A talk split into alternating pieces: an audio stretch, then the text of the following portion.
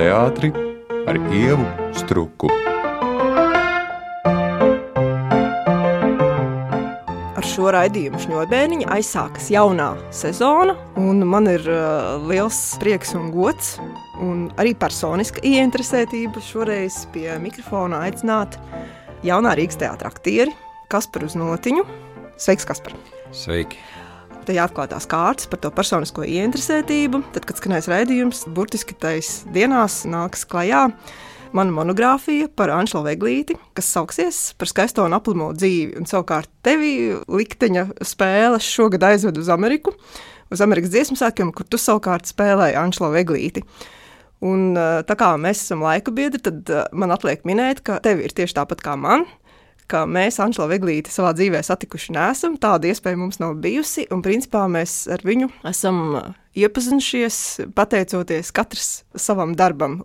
Protams, ka visi zina, ka tu spēlēji Simontu Ziedoni, izrādēji Ziedonis un Visums, un tas bija ļoti pārliecinoši, bet arī patiesībā ļoti noslēpumains darbs, jo Ziedonis pats vēl bija dzīvs redzēja ierakstu, un tev bija iespēja tomēr arī konsultēties. Kāds ir, ka tu pēkšņi nonāci situācijā, kurā tev piedāvā spēlēt cilvēku, par kuru tev ir droši vien kaut kāds priekšstats, bet tev visticamāk ir ļoti maz zināšanu. Jā, ļoti maz zināšanu. Tā tad. Tu jau pieminēji ziedoni, un ziedonis tādā nozīmē varētu būt arī kā mans lāsts, vai ne? Jo tas visu mūžu vilksies līdzi kā tāds salīdzināšanas faktors.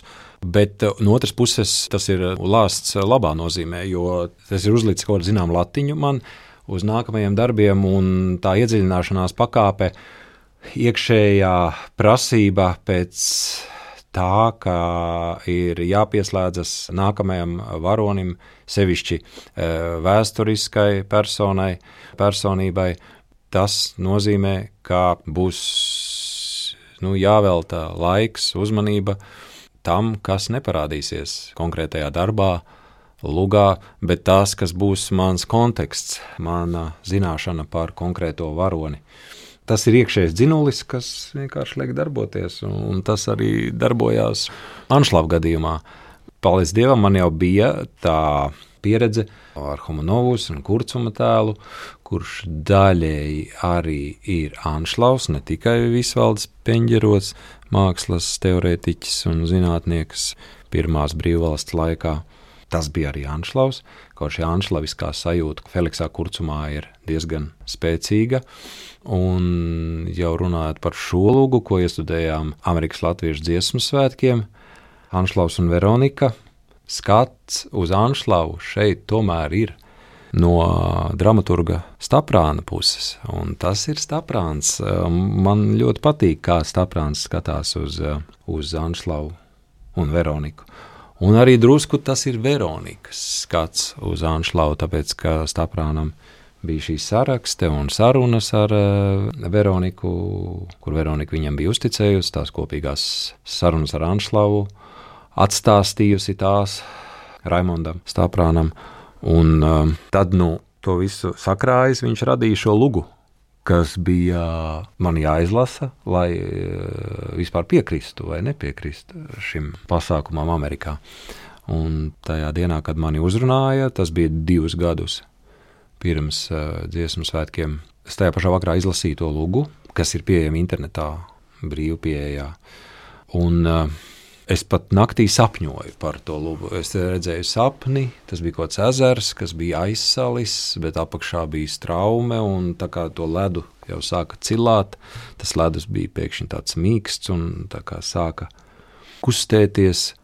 Tāda aizsaluša ezera sajūta, kas eh, man likās tāda laba zīme, laba ceļa maize, ka nu, dodies tik ceļā, un tad jau būs interesanti. Un bija arī? Bija tāda nu, rupjmaizes sajūta, tādā nozīmē, ka tāds vienkāršs darbs, kas reizē saistās ar kaut kādām bailēm par izdošanos, šaubām par pietiekamu kvalitāti, jo izrādi jārada attālināti un, un, un, un kaut kādi tur agri rīti, lai saskaņotos ar San Francisco laikiem, un, un tas viss tā drusku mokoši. Un, un neziņa, un, bet tas viss tā kā tādā Anšlava vārdiem runājot, tas aizgāja kā puf, pašos dziesmu svētkos, un pirms tam San Francisco tās piecas dienas mēģinot. Tas viss kā tāda sudraba migla pēkšņi pār mums nolaidās. Dziesmu svētku ietvaros, spēlējot šīs izrādes.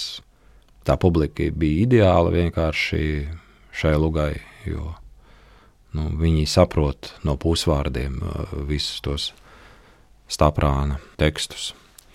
Anšlava un Veronikas mutē ieliktos. Nu, tāda ļoti laba sajūta un tīri no profesionālā viedokļa. Mēs te vairs netaisījām nekādu amatieru teātri. Tas bija īsts profesionālais teātris jau, man šķiet.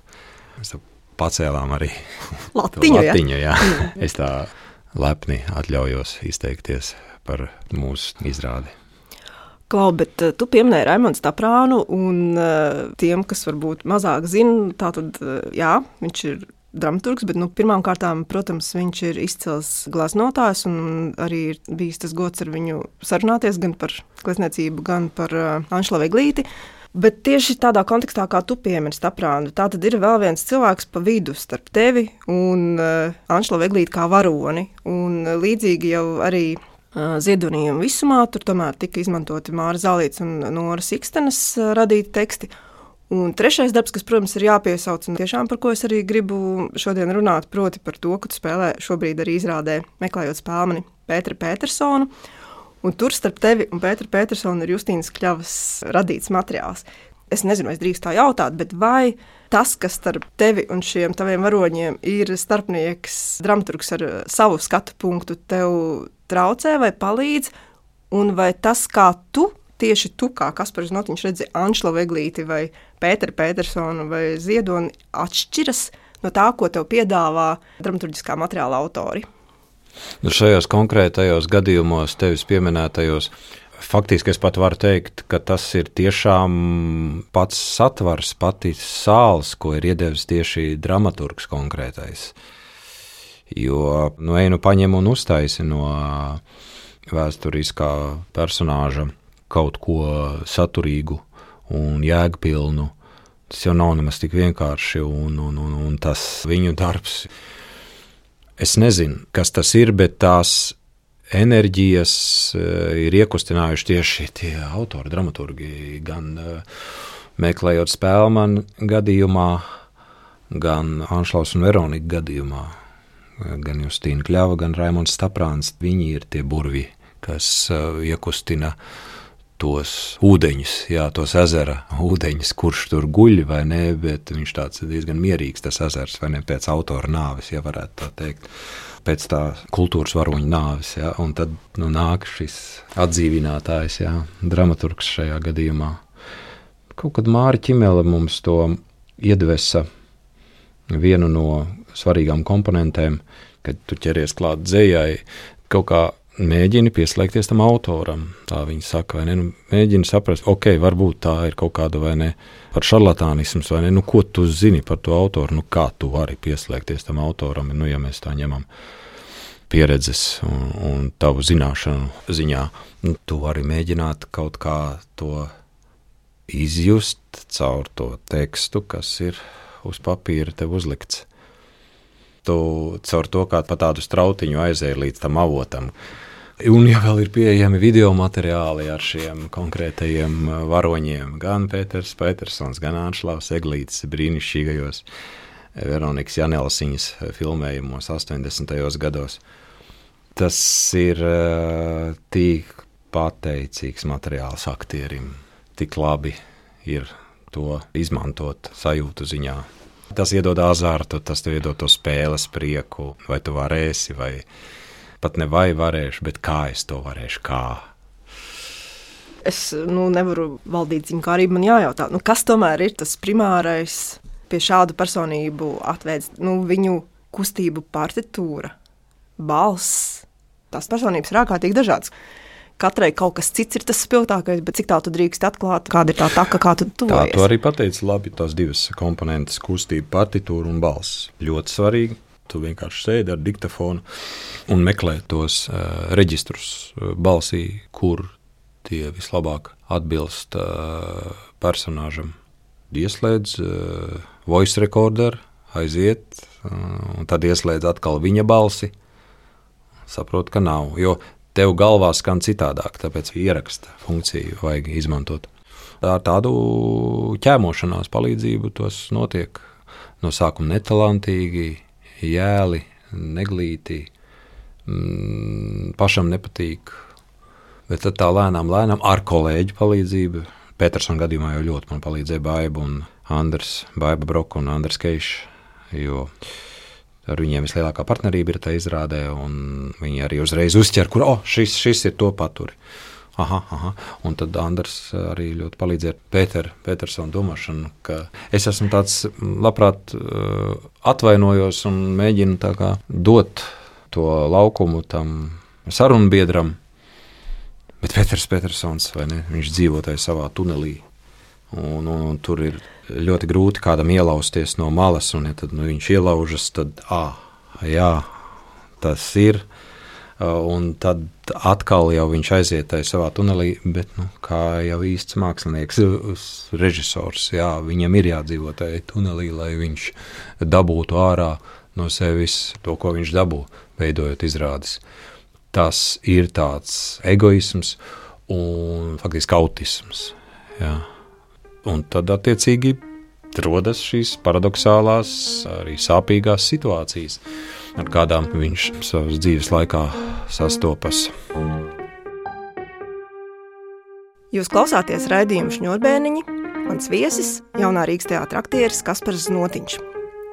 Stājiet rindā spraisas bori, jo šodien līdz par šņurbēniņiem būs dailē svētki visiem viņiem. Oh, jā. Vai es, oh, tā. Vai esat gatavi ikgadējam Dailas teātra karnevālam, jo šodien svētki visiem viņiem, nē, pagaidi, jo šodien līdz pat šņurbēniņiem būs Dailei svētki visiem viņiem. Jau stājiet rindā spraises bori un tā tālāk. Nu, redzes sakritības pēc atkal jāpiemina, ka pirmā grāmata savukārt man bija par Pēteru Petersonu. Tādēļ man tāds sajūta, ka vispār arī tavā personā, kas iemiesos šos divus, man liekas, kas runā ar ģimenes locekli jau. Un par to arī tiešām ir jautājums, jo pētot vienu, pētot otru, es kā pētnieks, protams, pavadu kopā ļoti, ļoti, ļoti daudz laika no savas dzīves. Un tad iestājas gan arī tāds privāti īpašnieciskums, ka tu zini vairāk nekā varbūt kurš ir vienkārši to cilvēku redzējis vai, vai saticis, bet nu, nav iedziļinājies teiksim, viņa dzīvē vai viņa daļradē. Un uh, vienlaikus es saprotu, ka aktieris, uh, lai cik labi darīt to savu darbu, tie nav četri gadi no tavas dzīves, kas aiziet kopā, teiksim, iedzinoties uh, Ziedonī vai Petersonā vai Anšla Vaiglītī, ka tie varoņi seko viens otram, un tas ir drīzāk, es teiktu, tāds augstas raudzes koncentrācija, ka ļoti īsā laika periodā tev ir viņš jāpadara par savu. Es vienkārši gribēju te pajautāt, kas ir tā varbūt grūti izskaidrojamā pieredze, kas tev ļauj teikt, jā, viņi ir manējie, es esmu atradis veidu, kā viņus attēlot, iemiesot, padarīt nu, maksimāli identiskus tam, kāda viņi bija tajā īstajā dzīvē. Kad vieniem cilvēkiem ir svarīgi ir informācija iegūt caur ausīm, citiem caur acīm, arī lasot darbinot smadzenes, atmiņu, krāt informāciju par konkrēto tēlu, tad citiem tīri taktīli nepieciešams to informāciju pieskarties kaut kādām lietām. Mm, starp citu, jā, izrādē meklēt spēli. Man, man ir mugurā Pētera Petersona džemperīts, īstais viņa oriģinālais. Krakls gan man īsti nederēja, krūmiņam derēja, bet man nederēja. Tur es eju ar citu kraklu. Tā tad, jā, šo lomu es pārņēmu no ģirta krūmiņa, kurš, eh, manuprāt, bija pilnīgi lielisks tajā lomā. Pirmā doma uzreiz bija atteikties, jo to nevar izdarīt šajā gadījumā. Bet pēc tam tūlīt otrā doma bija, nē, nē, nē es piekrītu, piekrītu. Tāpēc, ka nu, beidziet, nu, tādu iespēju nevar laist garām, protams. Un plus vēl es atceros, ka es taču arī 12 krēslos ielicu, tad, kad aboliņš aizbrauca strādāt uz Vāciju, Kīsas lomā. Bet, runājot par šīm radnieciskajām sajūtām, jā, Pētera Petersona gadījumā tas bija diezgan īss brīdis, vai ne? Tur janvārī man piezvanīja, un tad martā es sāku gatavoties. Jā, ko es izdarīju, protams, es izlasīju uzreiz tavu grāmatu par Pēteru Petersonu, ko es nebiju izdarījis līdz tam. Nu, jā, diemžēl tas ir tā, ka es par konkrēto varoni izlasu divas grāmatas. Tas ir maz, jo tu radot šīs grāmatas darbus par viņiem, skaidrs, izlasi, maigi sakot, nedaudz vairāk. Bet uh, man ir kaut kāda tā miesiskā piekļuve tēlam. Es viņu jā, piesavinos.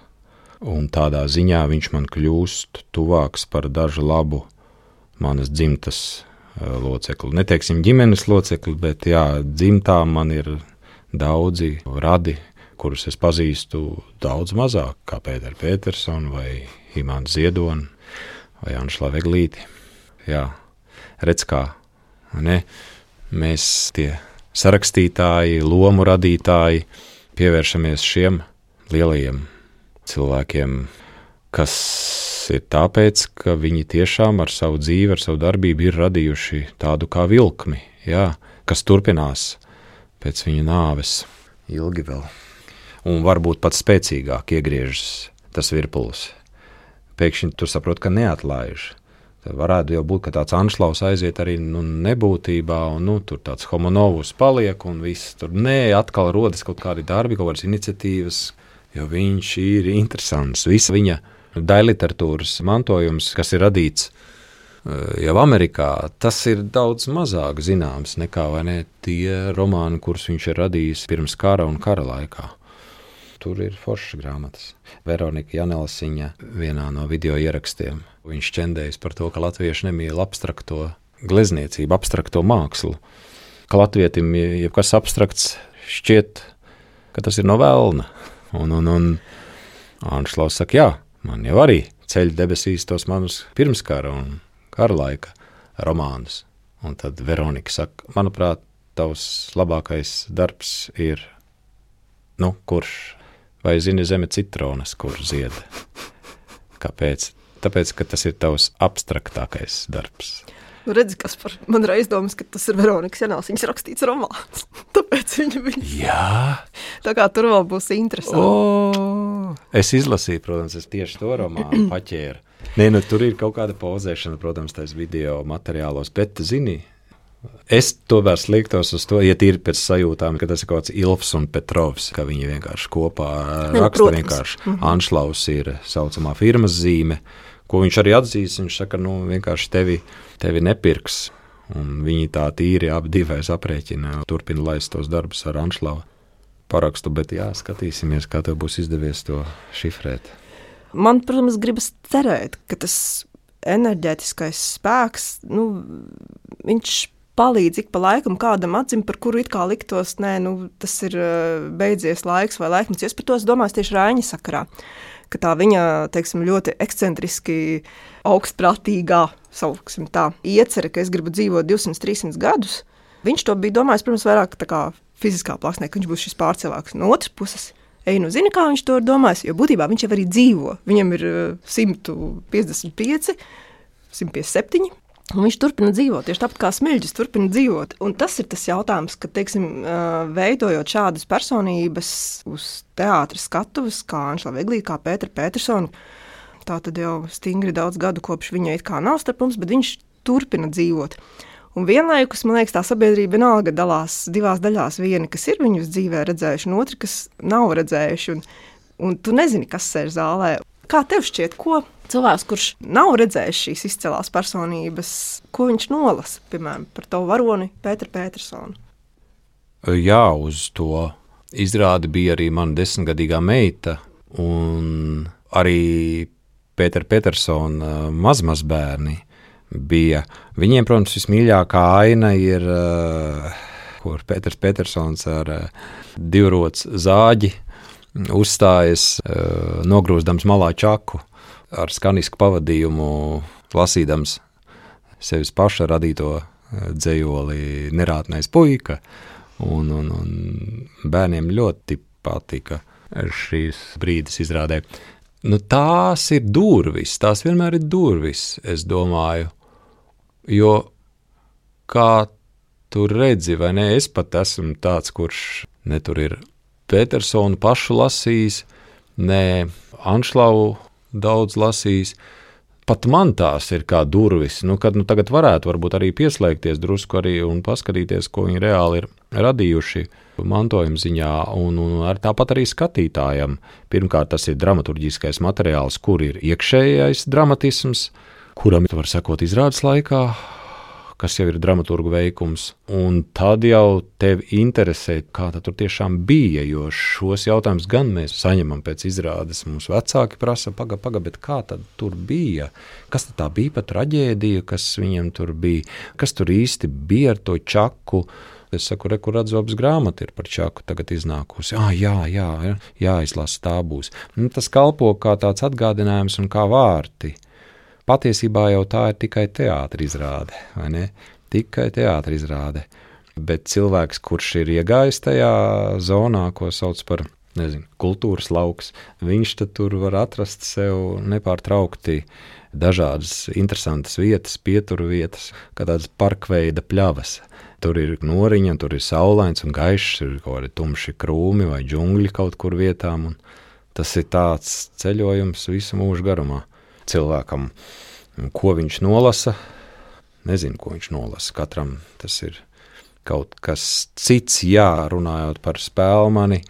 Mārcis Zālīts, starp citu, atzīmēja, ja viņa teica, jums taču tur ir tā kā karikatūra vairāk. Salīdzinājumā ar dēls teātru smilģi, kaut vai runājot par šo pašu smilģi tēlu interpretāciju. Skaidrs, ka tas, ko nolasa mūsu skatītājs, ir vienmēr caur smiekliem. Tas ir tas, kā mēs raugāmies uz uh, pasauli.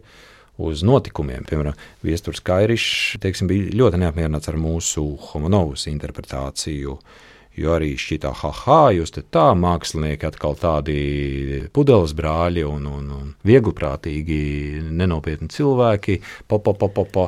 Un tad es domāju, nu, pakaļ, stop Pirmkārt, jau tas ir Anšla Veglīša skatījums. Nebūsim sentimentāli pļārzas. Ja es pareizi atceros, pļārzas bībeli, tā ir sentimentāli, bet labi.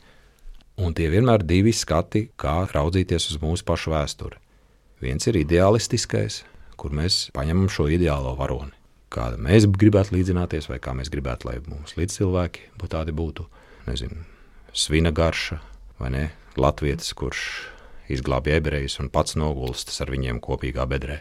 Vai tur Melānija, Melānijas kronika, ko kairišs, sieviete, kas iziet cauri ellē un nesalausta. Tas ir tas ideālistiskais paņēmiens, kā var runāt par vēsturi.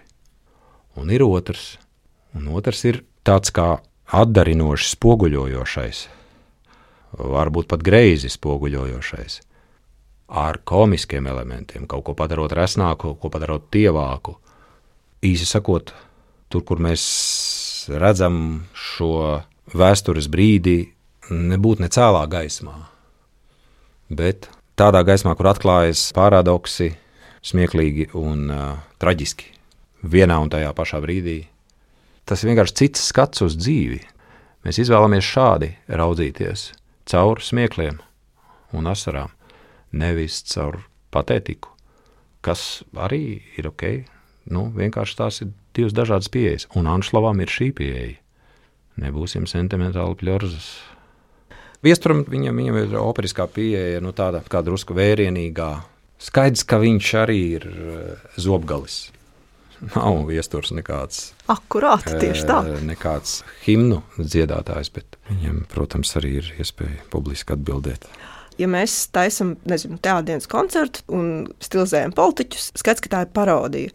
Es tomēr uzdrīkstos teikt, ka ne Smilģis tiek parodēts, ne Pēters Petersons tiek parodēts. Tie cilvēki netiek parodēti. Jā, varbūt tas traģikomiskais, tās abas puses tiek uh, izceltas vienādā kvalitātē dienas gaismā, bet tas nenotiek realistiski, psiholoģiskās koordinātēs. Kā tu pats teiktu, kas ir tas, ko tu dari spēlējot ziedoni, eglīti vai Petersona. Kaut kā to drosmi gleznot skatuviski biezām krāsām, drošiem, brīviem triepieniem, to mūs iedrošināja darīt Alvis. Es domāju, ka tas sākās ar revidentu, pēc tam ar garo dzīvi.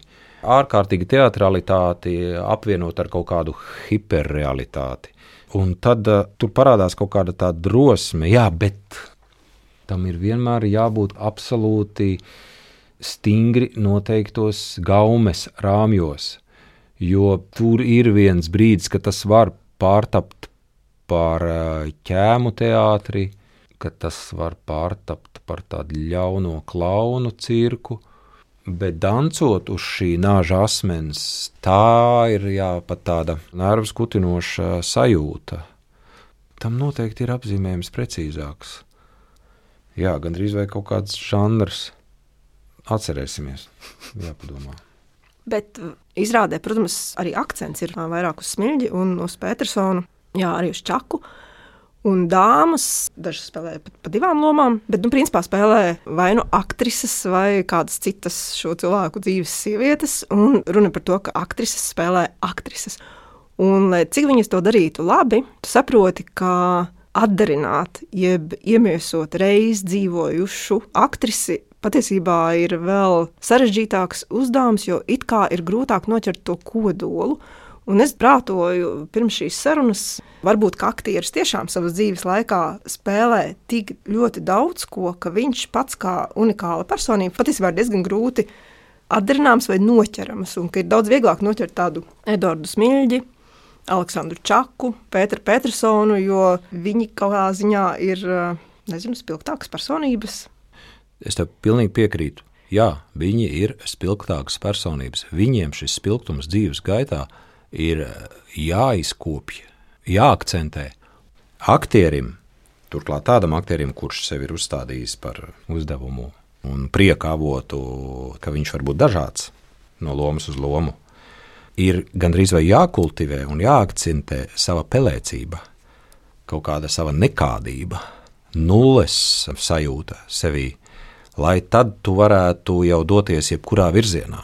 Tas ir gandrīz vai tieši pretējs tam procesam, kam būtu jānotiek režisoros. Bet tas ir tajā koncepcijā, kad režisors ir, varētu teikt, autorteātra piekritējs, tur, kur ir ļoti spēcīga autorība, izjusta viņa kā režisora, kā individualitātes un, un mākslinieka. Nu, tu vari atpazīt viņa izrādes un viņa rokrakstu. Un tad aktieris, kurš atkal jā, no lomas uz lomu pārvēršas Bet uh, droši vien, ka tas ir citādāk, kā strādā un ir strādājuši tādi aktieri, kuru personība, viņas spilgtums ir tik spēcīgs, ka viņš ir līdzīgāks no lomas uz lomu. Nezinu, Harijs Liepiņš. Ja. Mm -hmm. Tur bija problēma ar tiem Harija Liepiņā laika biedriem, ka tā kā viņš spēlēja, varēja tikai viņš. Bet, ja mēģināja tāpat arī eksistēt citi tas nebija baudāmi. Bet kas par, piemēram, ja pēc 50 gadiem kāds taisītu izrādi, meklējot spēli par uh, Jaunvarīgas teātru un Alavu Hermani, kas būtu tam nākotnes aktierim, kuru tu būtībā nevari iztēloties, bet kas viņam būtu jāzina, ja viņam būtu iedalīta Kaspars Notiņa loma? Nu jā, tas, ko es jau teicu, literatūrā un filmu vēsturē jau noteikti ir arī tādas lomas. Tur ir ko darīt arī tādā lomā, kā Kaspars Notiņš par ko jau es teicu. Bet, ja viņš meklētu tagad arhīvā koncepts. šo raidījumu, mm. un tagad būtu tā viena īpatnība, tava jāizceļ, ko tu varētu viņam pateikt tagad priekšā tam tālajā? Um, sāpīgi griežot sev, bet jā, to es saku, es neesmu tāds, kāds es esmu, es esmu tāds, kā jums vajag. Kad es eju darīt to darbu, kas man jādara, bet droši vien tas tā neizdodas, jo tik gludi jau man neiet. Ir kaut kāds slinkums mūžīgais, kas jāpārvar. Un, un, un, un. un es neesmu arī nekāds tāds klusējošais aktieris. Mēģinājuma procesa laikā es diezgan tur troksni taisu dažkārt. Bet uh, man grūti vairs būtu kaut ko ieteikt jaunajam cilvēkam, kurš kaut ko tam līdzīgu mēģinātu kaut kad darīt. Viņš saskartos ar to pašu problēmu, ar ko tu pieminēji ar aktrisēm ka grūti viņus tur nospēlēt, kaut kā spilgti parādīt, jo kaut kādas slēpšanās tā ir noteikti. Attiecīgi, jā, tādā ziņā tas režisors pat ir tāds atkailinātāks savā būšanā teātrī. Mēs it kā pretendējam vairāk, ka mēs tur baigi atkailināti esam katru vakaru uz skatuves, jā, tad, kad notiek pat izrāde. Varbūt tā ir kaut kāda atslēga. Jā. Ir taču brīnišķīgi izrāžu ieraksti jau tagad radīti šajos gados. Tad tur varēs mēģināt pēc tā nolasīt. Es esmu ļoti pateicīga, ka tu atnāci uz raidījumu šņobēniņu un cerēsim, ka nākamgad dziesmu svētku laikā Anšlaus Eglītis kopā ar dāmām no Amerikas nonāks līdz Latvijai. Ļauj man tā cerēt. Es tev ļauju. Paldies, tev, Kaspar!